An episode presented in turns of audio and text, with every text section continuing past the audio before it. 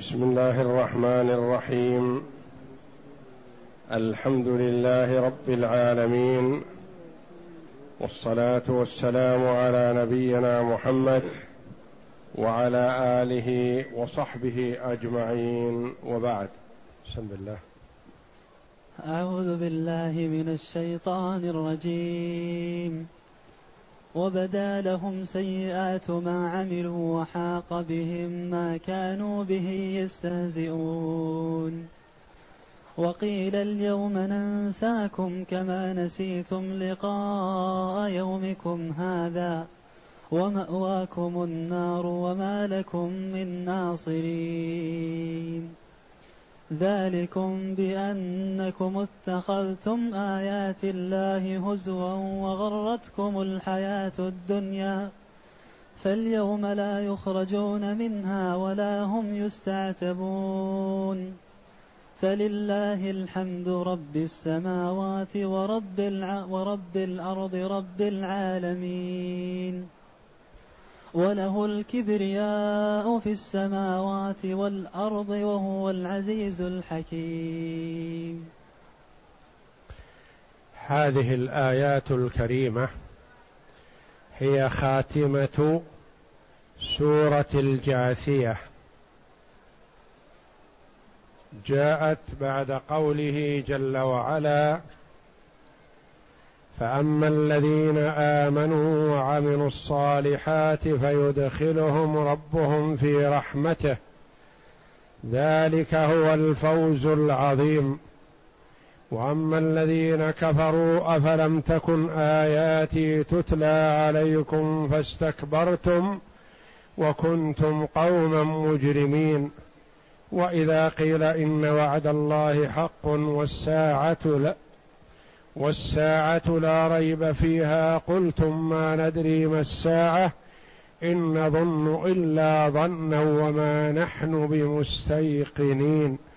وبدا لهم سيئات ما عملوا وحاق بهم ما كانوا به يستهزئون. الآيات.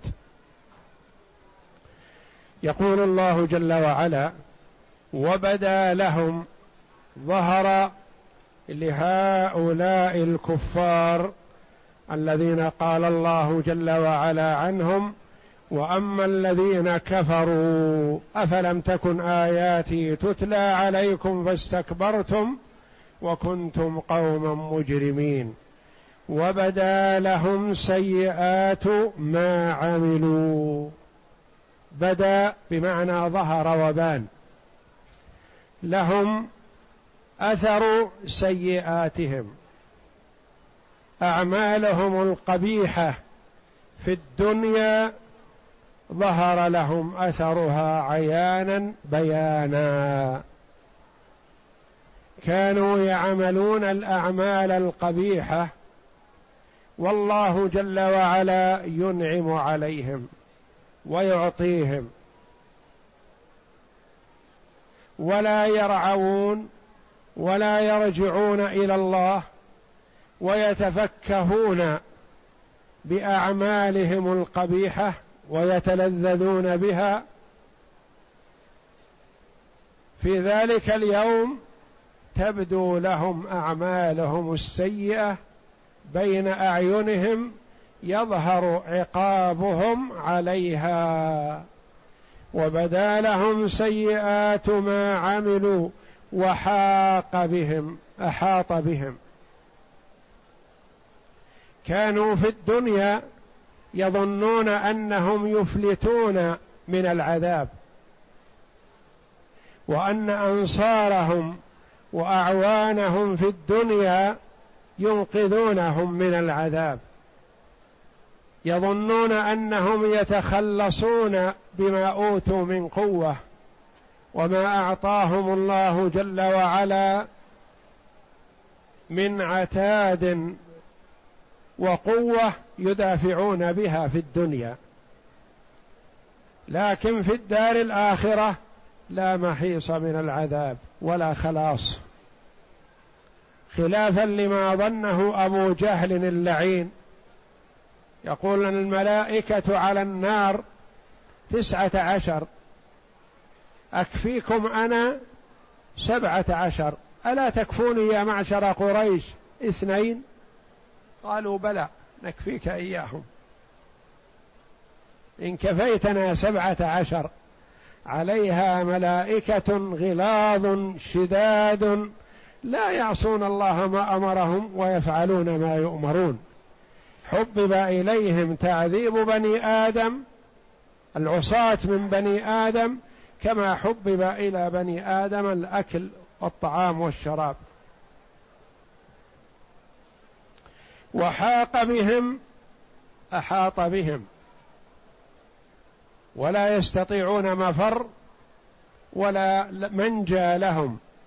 ما كانوا به يستهزئون يسخرون من الأنبياء صلوات الله وسلامه عليهم إذا أخبروهم بما أعد الله جل وعلا لأوليائه في الجنة من النعيم المقيم وما أعده الله جل وعلا لمن عصاه في النار من العذاب السرمدي المؤلم.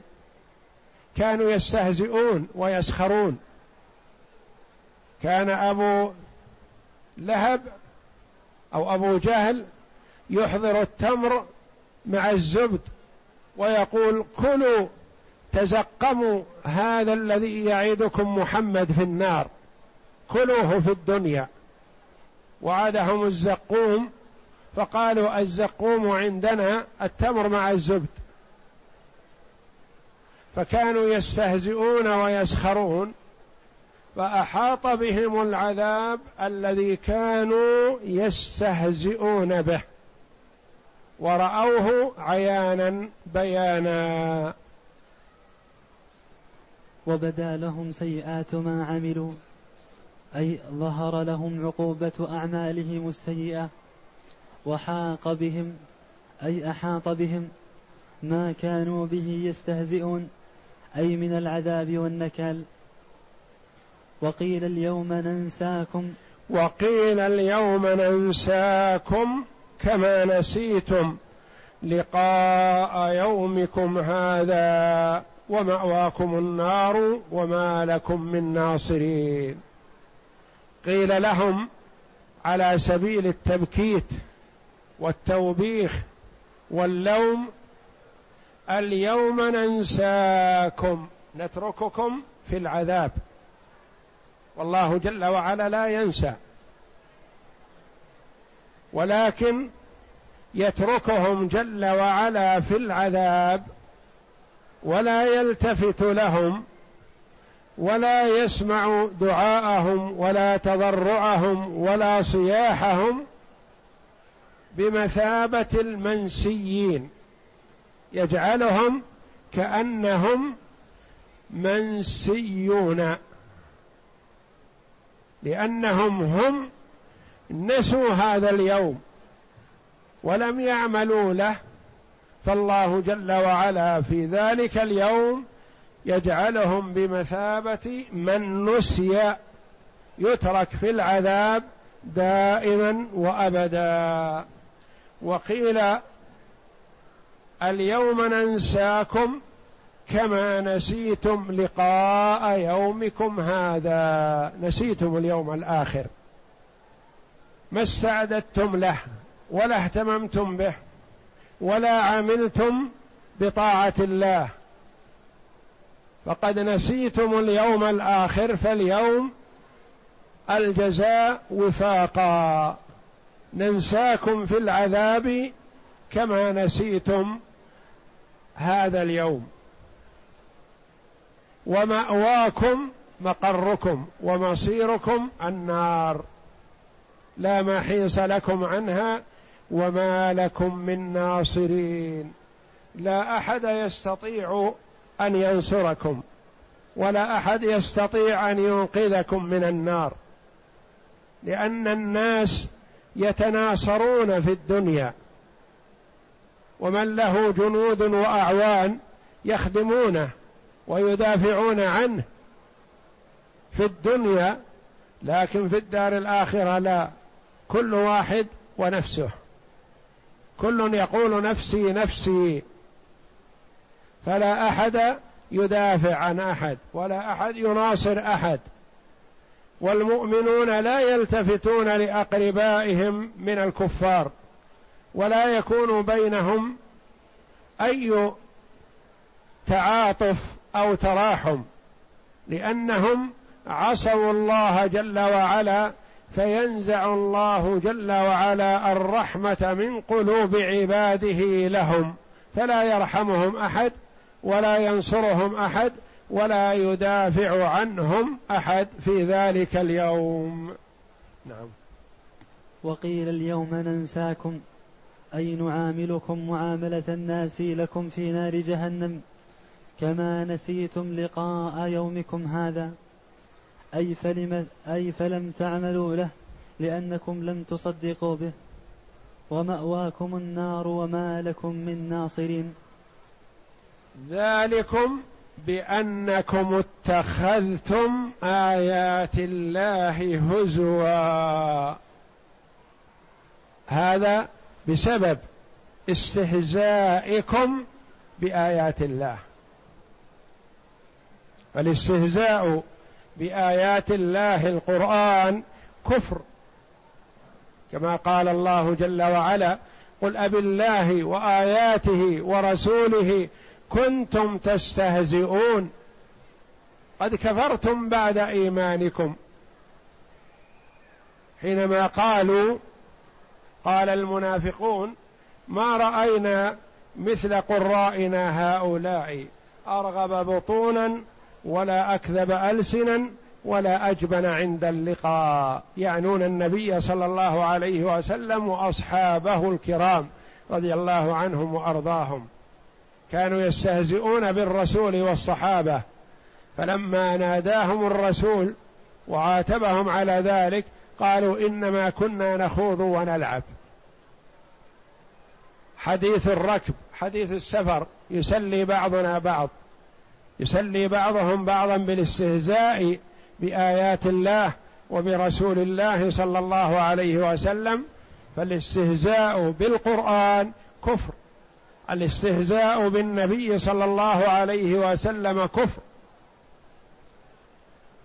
الاستهزاء بالمؤمنين من صفات المنافقين. إن الذين أجرموا كانوا من الذين آمنوا يضحكون. وإذا مروا بهم يتغامزون وإذا انقلبوا إلى أهلهم انقلبوا فكهين وإذا رأوهم قالوا إن هؤلاء لضالون يعنون المؤمنين. فالاستهزاء بالمؤمنين أو الاستهزاء بسنة رسول الله صلى الله عليه وسلم مثلا كمن يتجرأ من السفهاء فيستهزي بصاحب اللحية أو يستهزي بمن يقصر ثيابه فوق الكعب اتباعا للسنة أو يستهزي بأي سنة من سنة رسول الله صلى الله عليه وسلم فذلك يجره إلى الكفر والعياذ بالله. ذلكم أي دخولكم النار وعدم النصر لكم بأنكم اتخذتم آيات الله هزوا. كانوا إذا سمعوا شيئا من القرآن استهزأوا به وسخروا. وغرتكم الحياة الدنيا. اغتررتم بالحياة الدنيا وظننتم أنها باقية. وجعلتم جل همكم للحياة الدنيا ولم تعملوا للآخرة. اطمأننتم إليها وأخذتم الحظ الأوفر من نعيمها وسكنتم إليها ولم تعملوا لآخرتكم وغرتكم الحياة الدنيا من ركن إلى الحياة الدنيا وجعلها جل همه فقد اغتر بها لأنها دار فناء. ليست بدار بقاء. لا يدوم سرورها أبدا. فاليوم لهذه الأسباب فاليوم لا يخرجون منها ولا هم يستعتبون. لا يطلب منه لا يخرجون من النار لأنهم ماكثين فيها أبدا. لا يخرجون لا يخرجون منها ولا هم يستعتبون. لا يطلب منهم الرجوع. لا يطلب منهم الإقبال على الله. يعني هم في حال الدنيا يراودون ويحاولهم الدعاة والأتقياء والصلحاء والرسل والأنبياء صلوات الله وسلامه عليهم يحاولون العصاة والظلمة بأن يرجعوا إلى الله لعلكم. ارجعوا إلى الله توبوا إليه لكن في ذلك اليوم لا. ما فيه استعتاب ما فيه استرضاء ما فيه استرجاع. لا يقال له لعلك تطيع لعلك تتوب لا. ذلك اليوم ما فيه إلا النار. لمن عصى الله جل وعلا. فاليوم لا يخرجون منها أي من النار ولا هم يستعتبون لا يطلب منهم أن يتوبوا إلى الله وأن يرجعوا إليه لأن الطلب انتهى في دار الدنيا. لا يخرجون منها قراءة فيها قراءتان. لا يخرجون بضم الياء وفتح الجيم يخرجون منها. لا يخرأ وفتح الراء. القراءة الثانية لا يخرجون منها بفتح الياء وضم الراء بعكس الأولى. الأولى مبنية للمجهول للمفعول. على غرار قوله جل وعلا ربنا أخرجنا منها نعمل صالحا غير الذي كنا نعمل. الأخرى البناء للمعلوم لا يخرجون منها كقوله جل وعلا كلما أرادوا أن يخرجوا منها أعيدوا فيها. فهي قراءتان سبعيتان يعني من القراءات السبع. لا يخرجون أو لا يخرجون منها ولا هم يستعتبون. نعم. ذلك بأنكم اتخذتم آيات الله هزوا أي إنما جازيناكم هذا الجزاء لأنكم اتخذتم حجج الله عليكم سخريا تسخرون وتستهزئون بها. وغرتكم الحياة الدنيا أي خدعتكم فاطمأننتم إليها فأصبحتم من الخاسرين. ولهذا قال فاليوم لا يخرجون منها أي من النار ولا هم يستعتبون أي لا يطلب منهم العتبى بل يعذبون بغير حساب ولا عتاب. كما تدخل طائفة من المؤمنين الجنة بغير بغير عذاب ولا حساب. يعني لا يناقشون إلى النار مباشرة كما أن الله جل وعلا وعد وعد العدد الكثير من هذه الأمة بأنهم يدخلون الجنة بلا حساب ولا عذاب كما قال صلى الله عليه وسلم في الحديث الصحيح ومعهم سبعون الفا يدخلون الجنة بغير حساب ولا عذاب. فمن أمة محمد صلى الله عليه وسلم من يدخل الجنة بلا حساب ولا عذاب كما أن من الكفار من يدخل النار مباشرة بلا حساب لأنهم لا حسنات لهم وسيئات يحاسبون هذه مقابل هذه وإنما هي أعمال سيئة قبيحة. فلله الحمد رب السماوات ورب الأرض رب العالمين. حمد الله جل وعلا نفسه على ما تكرم به من ثواب المؤمنين وعقاب المجرمين. فالله جل وعلا له الحمد وله الثناء وله الشكر فهو يكرم من يستحق الإكرام ويعذب من يستحق العذاب. فهو يحمد على هذا لأنه جل وعلا يضع الأشياء مواضعها. فلله الحمد له الثناء الجميل. رب السماوات ورب الأرض رب العالمين. بكسر رب على أنه نعت لله جل وعلا أو بدل أو عطف بيان.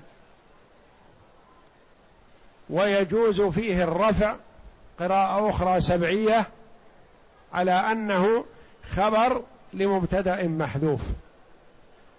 فلله الحمد رب السماوات ورب الأرض رب العالمين. وقراءة أخرى فلله الحمد رب السماوات. رب السماوات ورب الأرض رب العالمين. الرفع على أنه خبر لمبتدأ محذوف تقديره هو رب السماوات ورب الأرض ورب العالمين. والمراد بالعالمين ما سوى الله جل وعلا. وجمع بهذه الصيغة صيغة الجمع لأن العالم ما سوى الله. جمع لتعدد أصنافه لأن الملائكة عالم والجن عالم والإنس عالم والحيوانات عالم والطير عالم والحشرات عالم وهكذا. كل جنس من أجناس المخلوقات عالم. والله جل وعلا رب العالمين. ثم لما ذكر حكمه في المؤمنين والكافرين قال فلله الحمد رب السماوات ورب الأرض أي المالك لهما وما فيهما. ولهذا قال رب العالمين. وله الكبرياء في السماوات والأرض وهو العزيز الحكيم. له الكبرياء له الشرف وله العظمة وله السلطان جل وعلا. في السماوات والأرض وهو العزيز الموصوف بالعزة لأنه لا يغالب. الحكيم الذي يضع الأشياء مواضعها. ينعم ويتفضل على من يستحق ذلك ويعاقب ويعذب من يستحق ذلك. بخلاف غيره فهو قد يعاقب من لا يستحق العقاب وقد يكرم من لا يستحق الإكرام. والله جل وعلا عزيز لا غالب له. فالمرء في الدنيا قد يريد إكرام شخص فلا يستطيع لأنه يمنع وقد يريد إهانة شخص فلا يستطيع يمنعه غيره من هو أقوى منه والله جل وعلا عزيز لا غالب له يتصرف في خلقه جل وعلا كيفما يشاء بعزة وحكمة بعزة فيها الغلبة والقوة. وحكمة في أن فيها وضع الأشياء مواضعها. نعم. وله الكبرياء في السماوات والأرض. قال مجاهد يعني السلطان أي هو العظيم المجد أي هو العظيم الذي كل شيء خاضع لديه فقير إليه. وقد ورد في الحديث الصحيح يقول الله تعالى العظمة إزاري والكبرياء ردائي فمن نازعني واحدا منهما أسكنته ناري. رواه مسلم. لأن الكبرياء والعظمه لله جل وعلا فمن نازع الله جل وعلا هاتين الصفتين عذبه الله جل وعلا في النار.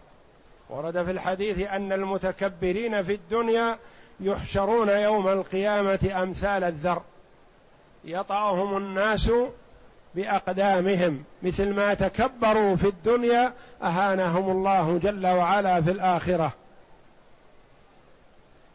والله أعلم وصلى الله وسلم وبارك على عبده ورسول نبينا محمد وعلى آله وصحبه أجمعين.